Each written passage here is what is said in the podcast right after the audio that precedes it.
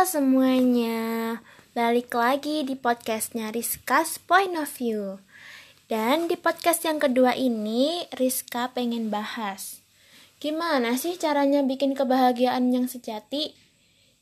Kebahagiaan yang sejati itu ternyata sangat dipengaruhi oleh nilai-nilai yang kita anut loh teman-teman.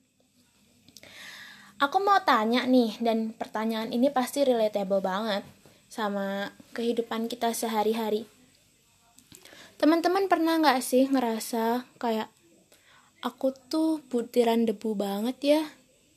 Cuma di kamar kos, rebahan, scroll-scroll Instagram. Temanku yang ini lagi main sama pacarnya. Temanku yang ini lagi diskusi di organisasi kampusnya temenku yang ini. Udah student exchange ke luar negeri. Dan aku aku nggak ngapa-ngapain. Aku tuh apa? Kayak gitu loh.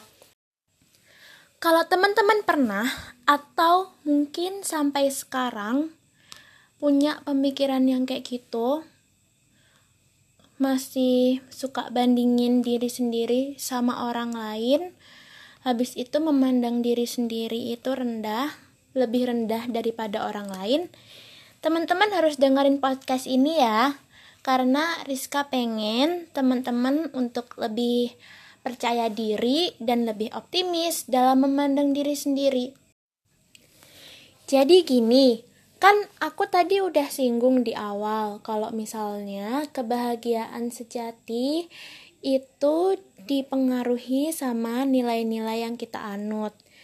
Nah, kebahagiaan itu juga termasuk dalam memandang positif diri sendiri loh guys. Kalau misalnya kita udah insecure, terus kita nganggep diri sendiri itu nggak bisa apa-apa, nah gimana kita mau berjuang dalam melewati rintangan-rintangan kehidupan yang gak bakal habis ini yang habis satu rintangan terus muncul rintangan lagi dan itu berulang-ulang terus sampai kita nanti meninggal. Makanya kita harus perkuat yang namanya pemikiran positif terhadap diri sendiri atau self awareness kesadaran gitu siapa sih diri kita sebenarnya? Dan penting gak sih untuk membandingkan diri sendiri sama orang lain? Nah hubungannya sama nilai-nilai kehidupan apa ya? Sekarang Rizka mau ambil satu contoh yang tadi Rizka sebutin di awal, yaitu hubungan pacaran atau taken. Menurut teman-teman, punya pacar atau jadi pasangan dari seseorang itu goals atau enggak? Kalau menurut Rizka, ya Rizka pengen dong punya teman yang selalu perhatiin Rizka, yang selalu mau untuk Rizka curhatin. Kan kalau pacar gitu kan. Tapi Rizka sadar kalau untuk punya pacar yang kayak gitu, Rizka tuh juga harus berusaha. Rizka ada perjuangannya sendiri. Nah, perjuangannya tuh gimana? Ya, sebelum pacaran kan pasti ada kenalan, terus PDKT, habis itu pacaran, dan ketiga hal yang aku sebutin barusan itu adalah proses yang nggak mulus loh. Misalnya waktu kenalan ternyata um, udah ilfil duluan sama cowoknya. Padahal kayaknya ini potensial gitu. Nah terus kalau waktu PDKT nih ternyata cowoknya tuh nggak cuma PDKT-in kita doang ternyata temen kita juga di PDKT-in terus waktu pacaran ada cekcok silah pendapat terus ditinggal Terus sekarang pertanyaannya, Rizka siap nggak buat ngelewatin proses tadi? Kalau Rizka boleh jawab, belum sih.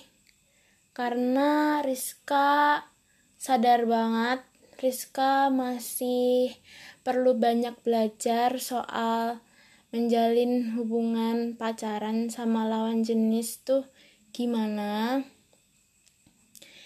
Terus Rizka juga punya prioritas yang lain sekarang. Jadi Rizka nggak boleh cemburu atau iri sama teman-teman Rizka yang udah punya pasangan gitu. Nilai-nilai kehidupan yang Rizka anut itu adalah Rizka nggak terburu-buru untuk punya pasangan jadi Rizka nggak bisa nganggep diri Rizka itu gagal karena Rizka belum punya pacar. Kecuali kecuali Rizka udah siap buat pacaran dan Rizka udah berjuang banget buat deketin dia tapi nggak dapat dapat terus ada temen Rizka yang ternyata macarin dia gitu. Nah, Rizka boleh iri atau merasa gagal karena itu nilai yang Rizka percaya. Sedangkan kalau misalnya Rizka ya tadi itu merasa masih perlu banyak belajar dan punya prioritas yang lain, nggak boleh bilang kalau diri Rizka itu gagal. Di situlah letak kesadaran dirinya teman-teman. Karena kebanyakan dari kita tuh punya standar ganda gitu loh. Orang yang ini punya pencapaian ini sukses, orang yang ini punya pencapaian ini sukses. Terus kita merasa kita tuh rendah banget. Padahal teman-teman tuh udah nentuin belum sih tujuan hidupnya teman-teman tuh apa. Jadi, nilai-nilai kehidupan yang kita anut itu kalau misalnya kita merasa itu nggak bermanfaat atau kita tentuin dengan cara yang serampangan cuma niru-niru temen doang mending langsung diganti deh. Karena nilai-nilai kehidupan itu pengaruhnya luar biasa loh. Kepikiran emosi dan perasaan kita.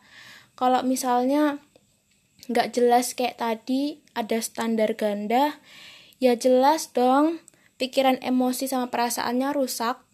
Yang ada setiap hari insecure mulu.